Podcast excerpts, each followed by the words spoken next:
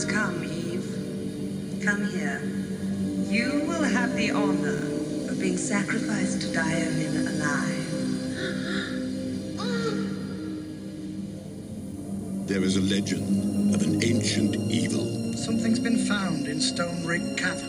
A legend that no one would ever believe. Legend has it that Stone Rig Cavern was the lair of the Damson Worm. Unless, of course, it came right up and bit him.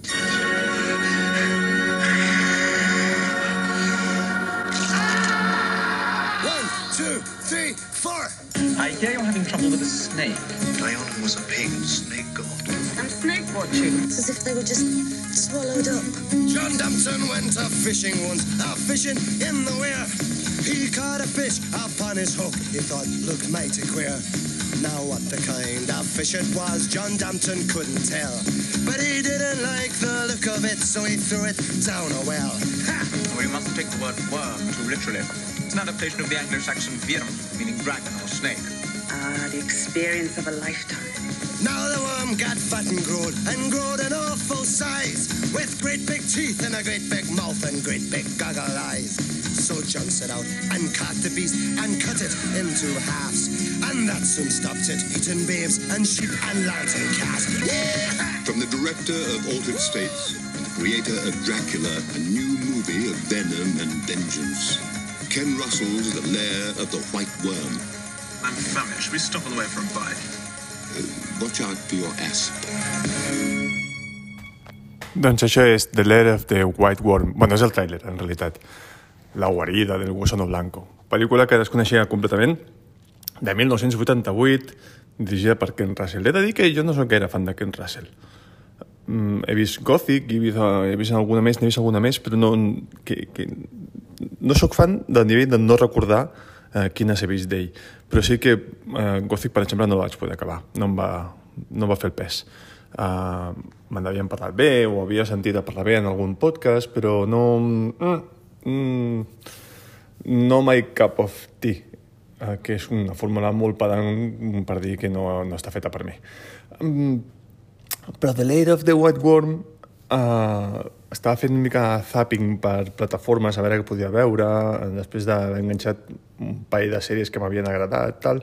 Dic, hòstia, em ve, de, em ve de gust veure pel·lícules, que fa temps que no veig pel·lícules.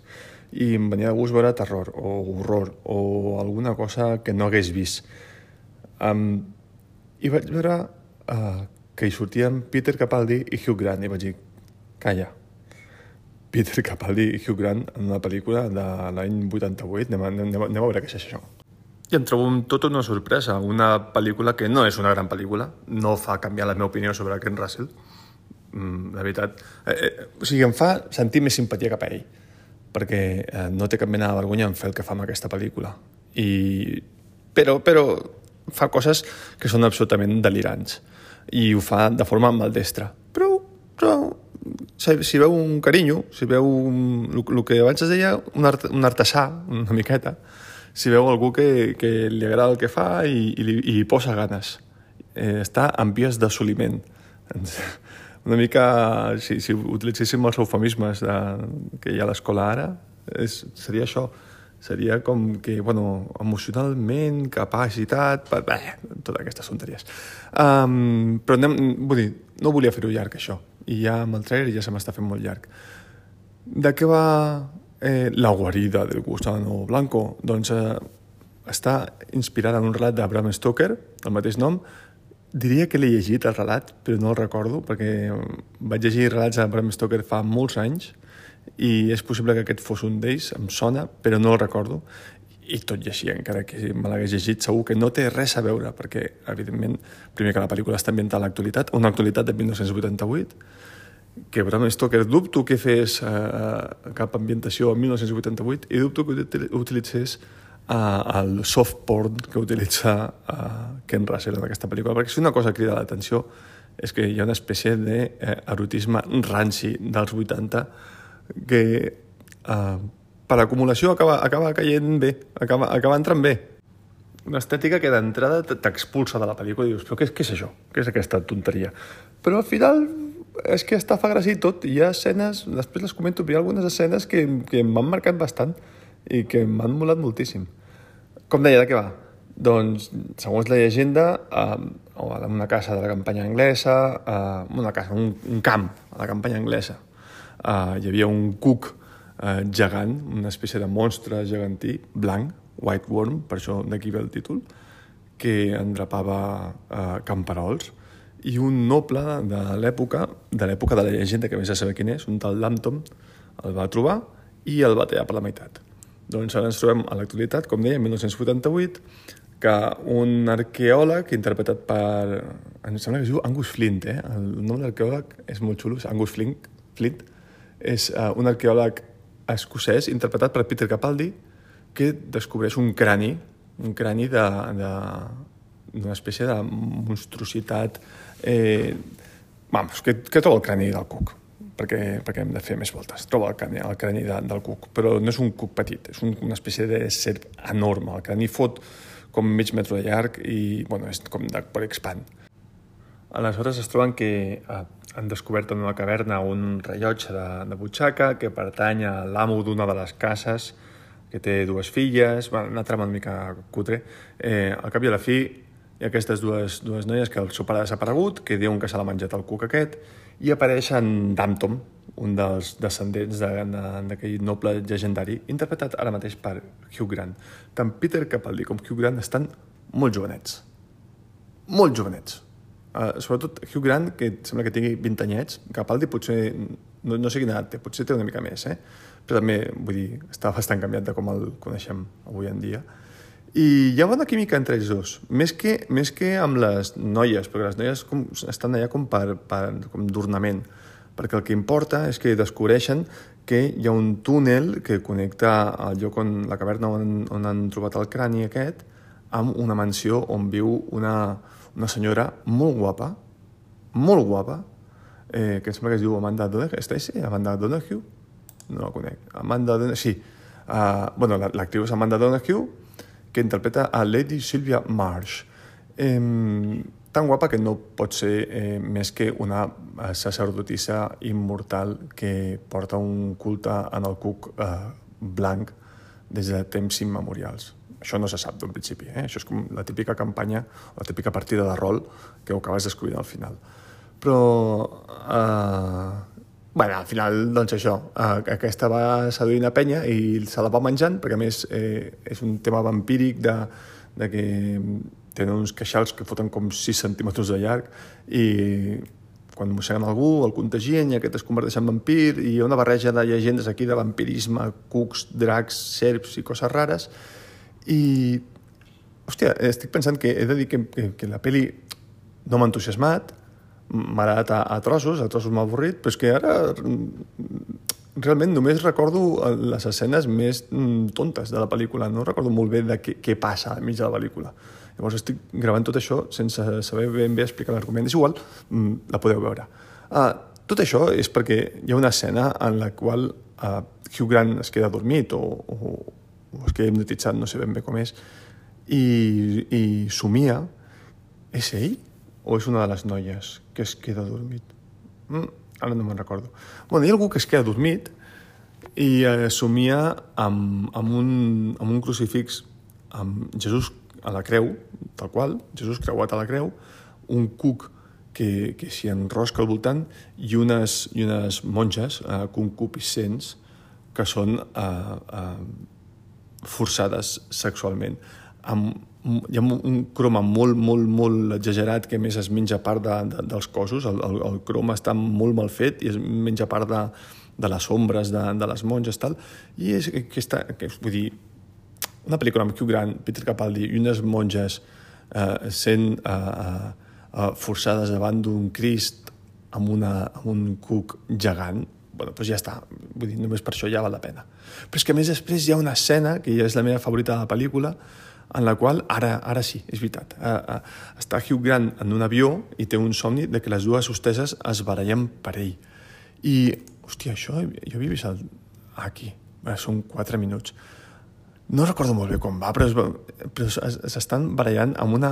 Hi ha dos, dos persones lligades a l'avió, eh, lligades amb cinturons a, a la cadira, estan com immobilitzades, no, no, no reaccionen, i les dues hosteses eh, es fan un catfight, es tiren per terra... Eh, és que no sé, és, és d'aquestes coses que explicades perden. Eh, per, per qui està... Ah, mira, puc explicar l'escena. Perdrà igualment. Hugh Grant està veient des del llit, el típic llit aquest nobiliari amb, amb, amb una, uns ensols i unes mantes que, que, que han, de provar, han de provocar una luxació eh, lumbar segura.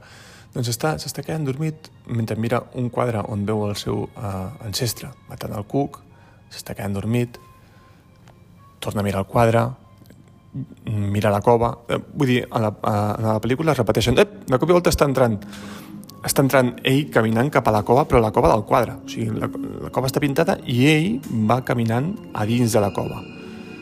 Ja dic que la pel·lícula repeteix en molts planos. Ep, mira cap al llit i ja no hi és al llit. Va vestit d'aviador perquè és un aviador i ell està en un jet privat de nit. Però a l'entrar al jet privat, és a dir, el rep una, una hostessa, està entrant per una escalareta que és com de pintor, eh? d'aquestes de, de pintar una mica el sostre. L'hostessa tira l'escala d'una patada a terra, tanca la porta molt contenta, la porta del jet privat, que jo no, no em faria gaire de volar. Hi ha una altra hostessa que porta diaris, com, porta com 30 diaris diferents i li ofereix al Hugh Grant, que està en un sofà dins del jet, un sofà amb un estampat que és una barreja del Bosco i el Corte Inglés, com nadalenc, i Hugh Grant, amb la gorra una mica torta, comença a fer els crucigrames, però el crucigrama que fa amb un rotador vermell el que comença a fer és um, repassar un dibuix que hi ha en blanc, que és, bueno, ja ho veurem més endavant, és el cuc, és el cuc blanc. Una de les hostesses està um, donant les instruccions i ara l'altra li dona un líquid estrany a una senyora que hi ha lligada amb cinturó amb, cinturons, com deia, a, a una de les cadires. La hostessa continua fent instruccions de que sí, les mascaretes de volta, el Hugh Grant està fent el seu crucigrama, i l'altra hostessa se'n va a l'altre senyor amb bigote i boina a donar-li aquest líquid. Estan com catatònics mirant el sostre. I té... Ah, vale, és el pare, perquè té el rellotge a les mans. Aquí sabem que és el pare. Hugh Grant, llavors, després de pintar tot el puto dibuix del crucigrama, veu que és un cuc envoltat dels crucifix i la hostessa posa un líquid té les dents molt grogues aquesta hostessa posa un líquid verdós ep, deixa veure la cinta que porta el lligacames s'asseu al costat de Hugh Grant, porta el llegacames que li frega per, tota, per, per tot el cos. Hugh Grant diu, no pot ser, ja està lligat amb el cinturó, i ella l'està forçant perquè begui aquest líquid. Però l'altra hostessa li pren el líquid de les mans i hi ha una baralla, com, mica com al principi de Depredador quan eh, eh, fan aquell xoc de mans, doncs les dues hostesses fan el xoc de mans, una tira la morena, tira la, la rosa a terra. Hugh Grant s'ho mira tal qual, la morena li fa una, una preixilla de, de, de, de cuello amb les cames a la... Ai, mare Déu, senyor, és que ho estic veient, estic flipant. Estan les dues per terra i Hugh Grant té el boli a les mans i se li està aixecant entre les cames com si fos el seu penis, com si fos el penis un gos. Però la hostessa ha deixat de barallar-se i està tornant a donar instruccions i el senyor del rellotge es desperta. Um, uh, mireu, mireu la pel·lícula. Mireu la pel·lícula. No, no sé què feu escoltant aquest podcast. Està mig abandonat aquest podcast. Uh, vaig gravar un episodi fa... Ah, torna, torna a venir la del Lligacames. Ara trobo la cama a través de la porta com insinuant-se, com una pel·lícula de Benny Hill, i Hugh Grant mira cap a una altra banda, no sé per què, però no, no té cap mena d'expressió. Ah, perquè hi ha dues, són dues noies, dues hostesses amb el lligacames, a dues portes diferents.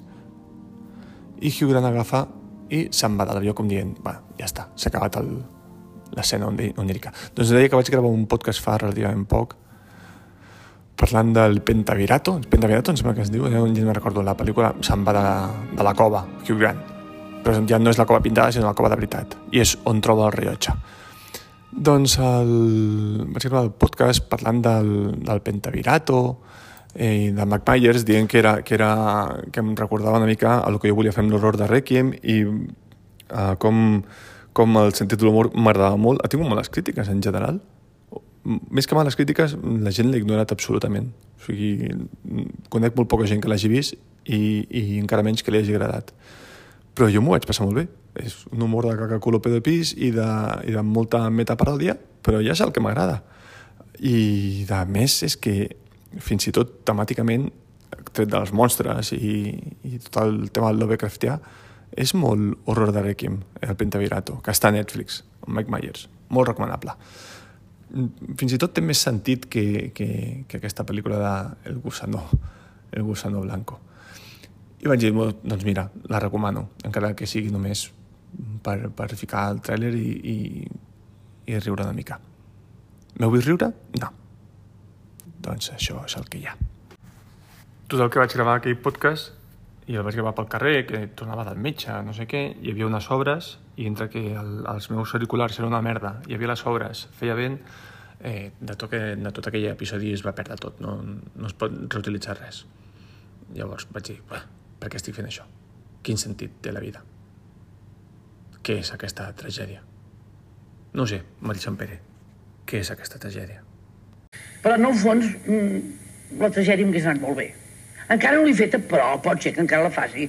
Perquè jo per fer una Antígona, per fer una Salomé, només que en vez de set vels en necessitaria 14.